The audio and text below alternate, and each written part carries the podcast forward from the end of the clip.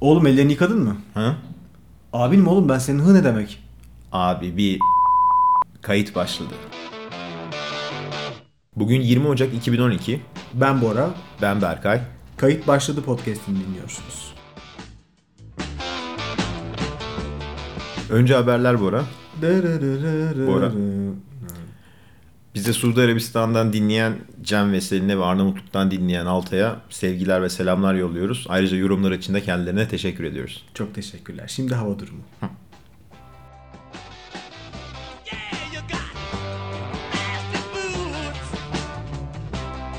Merhaba Sanlı.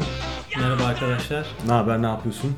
İyi. Sizinle olmaktan mutluyum. Ben aynen biz de. Sanlı şu anda birçok devam eden projemizde e, bizim girişimci ortağımız aynı zamanda. Beraber birçok proje yapıyoruz Sanlı'yla.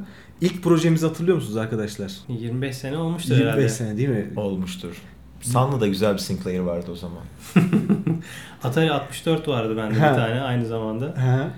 Ee, oyun kopyalama işine o zaman başlamıştık. Evet. Evet. Varez'in ilk şeyleri diyorlar. Hatta oradan çıktığını söylerler. Kesinlikle. Aslında girişim olarak bütün kurallara uyuyordu. Sonuçta bir garajda başlıyor ya bütün Evet işler. aynen. Bizimki de eczanenin deposunda tabii müşterilerin göremeyeceği bir yerde. Ama biraz kafa yapıyordu ya naftalin kokusu alt kattaki. Değil mi? Bilimum karışım yapıyorduk orada yani. Açıkçası kimyager olarak da bir noktaya gelebilirdik belki de. Ama kopya oyun sektörü daha cazip gelmişti o yıllarda. Evet. Kaç kopya sattık? 3 mü? 4. ben tahmin ediyorum 4 falan Evet. İşlem çok uzun sürüyordu o yıllarda. Kasetten kasete zordu. Evet. Kafa ayarı yapmak zordu. o zamandan bu zamana birçok proje yaptık. Sanlı sen de epey bir şeyler yaptın. Yurt dışına gittin, okudun, Evet. geldin, orada çalıştın. Hollanda dedin galiba değil mi en son? E, En son Hollanda'daydım. Amsterdam'da çalıştım. 2000'den 2005'e kadar. Amsterdam'da çalıştım deyince tabii e, insanların bir anda ilgisi yoğunlaşıyor. Evet, Am- evet ama artık Amsterdam belli bir süre sonra artık e, sıkmaya başla, başlayan bir yer. Özellikle de kalma niyetin yoksa. Hı hı. Sürekli kırmızı bir ışık tabii insanı rahatsız ediyor. evet yani o, Sen evi de tabii o tam ışığın karşısına tutunca zor oldu bütün gece. o- ben e, zaten film kullanıyordum pencerelerimde. Siyah filmle bu şekilde görmeyi şey yapıyordum. Işın gelmesini engelliyordun. Asgariye indiriyordum. Şaka bir yana e, sen Hollanda'da bir bankada çalışıyordun değil mi? Evet, e, ben Hollanda'da e, ticaret finansmanı üzerine ihtisaslaşmış bir bankada çalıştım. E, Görevin neydi orada? Orada e, gelişmekte olan piyasalarda e, yer alan e, büyük üretici firmalara ihracat öncesi krediler veriyorduk. Böylelikle uluslararası ticaret ve oradaki finansman konusunda da epey ciddi bir bilgi birikimi oluştu tabii sende herhalde. Evet, onların kullandıkları çeşitli finansman enstrümanlarını yakından inceleme e, fırsatımız oldu. E, bu bilgilerle de sen şu anda zaten e, gene kendi hayatında da bu finansman bilgilerini kullanarak e, yatırımlar yapıyorsun ve bu yatırımlarını yönetiyorsun. Evet, şirketlerin hangi e, durumlarda ne tür finansmana ihtiyaç olduklarını iyi biliyorum. Hollanda sonrası Hollanda sonrası Türkiye'ye geldim. Hı hı. E, işte bir kısa bir Rusya maceram oldu. Hı hı. E, ondan sonra da işte bu e, en son matbaa reklam işim vardı geçen seneye kadar. Hı hı. Onu da bir şekilde e, şey yaptıktan sonra devrettikten sonra şimdi işte sizinle götürdüğümüz projeler olsun, Hı hı. başka bir iki tane proje olsun onların peşindeyim. sen de dün yoldan geldin çok soğuk olduğunu söyledin. Evet yani ben İstanbul'da bu kadar soğuk yoktu. Ben otobüste geldim dün. Fark etmedim de Ankara'ya gelene kadar bu kadar soğuk olduğunu. E, Dört Divan diye bir yer var bu. Dinlenme tesisleri. Dinlenme tesisi var. Dört Divan diye bir mevkide. Orada durduk. Ankara'ya bir buçuk saat mesafede. Bolu'ya yakın bir yer. Eksi 12 mi yazıyordu? Eksi 15 mi yazıyordu? Öyle bir şey yazıyordu. Ben herhalde bozuk diyordum. İndim otobüsten. Hakikaten çok soğuk ya. inanılmaz bir ayaz var. Jilet. Ya, jilet. Hakikaten jilet. Kıkırdaklar donup düşer yani. O derece bir soğuk var. Hı hı. Buna rağmen e, bir tane adam üşenmeyip oradan su hortumlarını çekti ve otobüsü yıkamaya başladı. o havada. Yani hortumdan su çıkar çıkmaz aslında buz şeklinde çıkması gerekiyor. Öyle bir soğuk var. Ama başardı arkadaş. Başardı. Güzel fırçaladı, sildi, parlattı. Görevini güzel yaptı. Camlar zaten hiçbir buz tuttu. Hı hı. Dışarısı gözükmüyordu. Ee, tabii bu şeyinin, e, bu girişkenliğinin e, sonucunu biz otogarda gördük. Nasıl? Bagaj kapıları açılmaya açılmadı. Donmuş hepsi. Hı hı. 2 saat kanırttı kanırttı bagaj kapılarını. Bir şekilde menteşeleri kırdı mı ne yaptıysa artık yani artık o şirket sahibinin bileceği iş tabii ki. Sen profesyonel çalışmanın yanı sıra finans sektörüne de yani finansa da yakınsın. Onunla ilgili de bir şeyler yapıyorsun. Ee, senle ne zaman bir araya gelsek laptopun sürekli açık. Hı hı. İşte oradan borsa bilgilerini takip Hı hı. ediyorsun. Ee, bir kavram vardı. Neydi Berkay? Ee, Sanlı'nın günlük olarak alışı şey yaptığı. Tion'un erken gelmesi mi? yok yok day trading gibi bir şey. Day trading. Ha, day cracking Day galiba. cracking. Öyle bir şey var. Ne Neydi ya? abi o Notlarımın arasına almışım ben ama çok uzağım tabii konuya. Day trading gün içerisinde hisse, hisse senedi alım satımı. Hı hı. Uzun vadeli yatırımdan farkı pozisyonunu gün sonunda e, nakite dönüştürmen gerekmen. Bu da bir disiplin gerektiriyor normalde. Yani o zaman sabah alıyoruz kağıdı. Sabah paran evet sabah alıyorsun. Gün içerisinde istediğin kadar işlem yapıyorsun artık e, hangi yönde uygun görüyorsan. Gün sonunda da onu nakde çevirmen lazım. Al sat al sat al sat gün sonunda sat. Sat, gece rahat uyu, sabah uyandığın zaman devam et. Borsada köpek balığı plus tekniğiyle para kazanmanın yöntemleri diye bir şey var sandı. Nedir bu? Abi neymiş o? Hiç ben duymadım öyle bir şey. Yani yok mu böyle bir teknik? Yok abi öyle bir teknik olduğunu zannetmiyorum. Benim bir tekniğim var ama bana has bir teknik. Yoksa köpek balığı plus, bonus Hı. böyle bir şey hiç duymadım. Hurafe Sen olabilir yani. Kendi tekniğini kimseye anlatmıyorsun kadarıyla. Anlatmıyorum abi. Geçimini oradan sağlıyorsun. Ticari sır. Ticari Evet. Güzelmiş. Peki bari bir tiyo ver arada da ondan bari şey ver bir tiye hacı bir tiye ver ya. Bir kağıt ismi söyle hadi Abi ya. tiyo, tiyodan, ı, tiyodan iş çıkmaz. Yazıyorum. Altıncı ayak parlayan güneş. Sanlı'nın biraz akbabalık yönü de var aslında. Evet abi küçücük ada İzlanda çöktü. Sen de gittin adamların tepesine çöktün. Neydi o bir anlatır mısın biraz? Bu 2009'daki krizle beraber İzlanda çok fena, e, çok kötü darbe yedi. Borsa %90 değerinde değer kaybetti. E, 5000'lerden 300'lere kadar geriledi. Bütün bankalar devlete e, devredildi.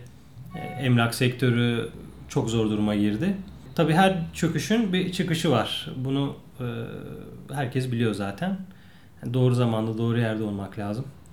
E, Ben de acaba dedim o sıralarda İzlanda'daki bir endeks fonundan alsam 200'den 300'den yani 5000'e çıkması belki asla gerçekleşmeyecek ama 1000'e çıksa, 1500'e çıksa birkaç sene içerisinde iyi bir e, iyi bir getirisi olur diye düşünüyordum. E, Bir iki tane bankayla görüştüm İzlanda'da. E, O zaman onlar böyle bir yatırım için asgari 25 bin euro e, gerektiğini söylediler bana. Onu ben gözden çıkarmıştım zaten. E, fakat esas problem İzlanda kro- kronuna parayı çevirmek istiyorlardı. Yani ben euro olarak fon alamayacaktım orada. Hı. İzlanda kronuna çevirecekti onlar. Parayı pula dönüştüreceksin yani. Evet. Tabii daha sonra onun ayrı riskleri var. Devalüasyon. Devalüasyon olur, e, yeni bir para birimini e, şey e, şey alırlar, sisteme getirirler. Paranı bir daha göremeyebilirsin yani. Görebilir, konvertibil bir hale, konvertibiliteden çıkabilir para. Apayrı riskler vardı. Ben de onu göze almadım. Neticede olmadı olay. Olmadı, hayır. Peki şu andaki takip ettin mi olmamasından sonra şu anda ne oldu? Yani yapmış olsan inkar etmiş olur muydun? Kesinlikle. Sanlı sen lisans eğitimini Amerika'da almıştın. Evet. Chicago'da. Hı hı. Ee, oradaki yani sonuç olarak orada da borsa oynadın mı? Evet. e, o zamanlar zaten 96-97 e, borsanın çıkış ol, çıkışta olduğu e, senelerde Amerika'da. O yüzden e, bulaşmamak imkansızdı. Peki oradaki borsayla buradaki borsa arasında bir fark var mı? Yani benim bildiğim kadarıyla orada birkaç tane paralel borsa var. Tek bildiğim benim bu fark olarak. Başka? E, orada birden fazla borsa var. E, New York borsası var, Nasdaq var. En büyük fark yani en büyük fark demeyelim birçok başka farklılıkları da var. Fakat ölçek olarak Amerikan borsası tabii ki Türkiye'nin e, Misli misli misli. misli. Hı hı. Onu tabii ki çok rahat söyleyebiliriz. Limit galiba yok. Kesinlikle Türk borsasında seans başına işte %10'luk e, fiyat e, değişiklikleri e, mümkünken Amerika'da böyle bir şey söz konusu değil. Yani 1 lira 1 dolardan 100 dolara da çıkar. Yüzden 1'e de düşer. Bir gün içerisinde her şeyi Her kaybedebilirsin. şeyini kaybedebilirsin. Onları kaldırabilecek bir borsaları var. Bizimkisi nispeten sığ bir borsa olduğu için Sığdan kastın yani hızlı hareket ettirilebilir dışarıdan gibi bir şey mi demek istiyorsun aslında? evet e, yani halka açık şirket sayısı e, New York borsasında binlerce şirket var. Nasdaq'ta binlerce şirket var. Yani hmm, Manipüle etmek çok kolay olmayacaktır. kesinlikle. Peki biz e, merakımdan soruyorum. Yani Türkiye'de Amerikan borsasında oynayabiliyor muyuz? Evet. Online Türkiye'de olduğu gibi e, Amerika'da da online e, brokerage firmaları var. Hı hı. Mesela Vatandaşlık falan gerektirmiyor. e, zannedersem hayır. Ben- Sen bir 2001'de bir e, çakılma yaşamıştın galiba değil mi? Evet, acil iniş yaşadım daha doğrusu. Şöyle ben e, liseden Şeyden atıyorum anam yandım diye bir telefon görüşmesi hatırlıyorum. 2001'de büyük kriz yaşandı Türkiye'de. Hı hı. Devalüasyon yaşandı. Dolar kuru 600 binlerdeyken e, yaklaşık bir senede 1 600'lere geldi. Hı hı. Ee, şimdi ben o sırada Amsterdam'daydım. Ee, Euro olarak biz zaten maaş alıyorduk. Ben Hı. aldığım parayı ve biriktirdiğim bir kısım parayı İşlem başına 50 euroydu galiba değil mi? işlem başına 50 euro. Ee, dönmüştük. Evet. Euro'dan TL'ye dönmüştüm. Daha sonrasında e, devalüasyon yaşanınca zaten senin paranın değeri Düştüm. Euro karşısında e, düştü. Ayrıca bir de borsadaki hisselerin tepe taklak gitmesiyle bu e, çok nasıl diyeyim e, çok daha arttı negatif etkisi. Hı hı. Amsterdam'da böyle uzaklara dalıp bakabileceğim bir su var mı? Yani Kanallar var abi. Tamam. Yani ama çok sığ. Atlarda atlasan hani bir şey olmaz. Belki acı çekerek ölürsün yani. Hı. Boğulma şansın yok. Sonra tekrar ama bırakmadın sen bu Ben bırak yatırım işini. ben bırakmadım. Ya ben açıkçası liseden mezun olduğum zaman Eczacıbaşı yatırımda hesap açtırdık. E, yıl 1992 idi. Sen tabii bu bilgisayar işinden yapmış olduğumuz parayı orada değerlendiriyorsun Evet, herhalde o yıllarda. Hı hı. 1992'de ilk aldığım hisse senetleri Eczacıbaşı İlaç ve Ford Otosan'dı. Hı hı. E, O zaman kendime göre bir mantığı vardı diyordum e, işte araba satışları. Alırsın Ford olursun Lord. Aynen. Reklamların Aynen. etkisinde kalarak. Burada yanlış bir şeyler peşinde koşmamak önemli. Hmm, Yanlış kararlar vermemek önemli. Ben mesela o krizdeyken lanet olsun demiştim o zarar edince. Bir kısmını da satmıştım. Aslında hiç satmama gerek yoktu. Çünkü 2 sene sonra zaten endeks 20 bine geldi. 2004 yılında daha doğrusu 3 sene sonra 20 bine geldi. Sen yani nereden baksan bir %100 zaten kazanmış olacaktım. Ee, Hmm. 3 yıl içerisinde. 3 yıl içerisinde %100 kötü bir para değildi. Gerçi o zaman Tabii. enflasyon daha yüksekti. Faizler daha yüksekti. Ee, ama uzun vadeli baktığın zaman e, gerçekten de e, bir ayağının bulunması, paranın bir kısmının bulunması gereken bir şey diye düşünüyorum. Yani bir enstrüman. Yani çok derine gitmeden yani borsadan para kazanmak belli disiplinler çerçevesinde mümkün diyebilir miyiz? Evet. e, Geçinebilir mi insan borsadan para kazanarak? Borsadan para kazanarak geçinebilir ama belli bir sermayenin olması lazım.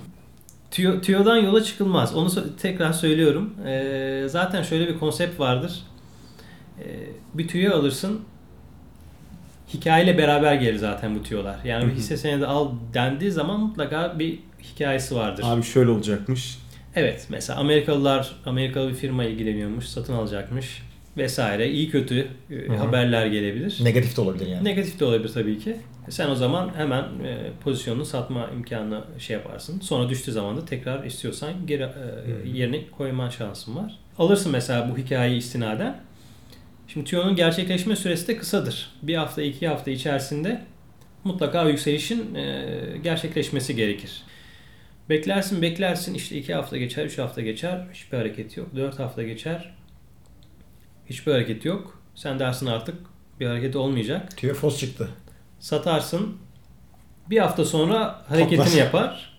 Sonra denir ki "Ya, tüyo erken geldi abi der. Senin Abi. tüyoyu aldığın kişi. Abi zamanlama çok önemli zaten. Yani. Erken gelmek zaten iyi bir şey değil. abi. İyi değil evet. Şey Kesinlikle. değil. Ee, o yüzden ben tüyoydan e, olabildiğince uzak durulmasını tavsiye ediyorum. Hı hı. Yani genel olarak e, mutlaka borsada biraz paranın bulunması gerekir. E, sana da bize bir tüyo ver de podcast'i bitirelim. Abi tüyolardan uzak durun. Abi boş ver sanlığı. Gel seninle biz ortak bir iddia kuponu yapalım. Ne yapalım?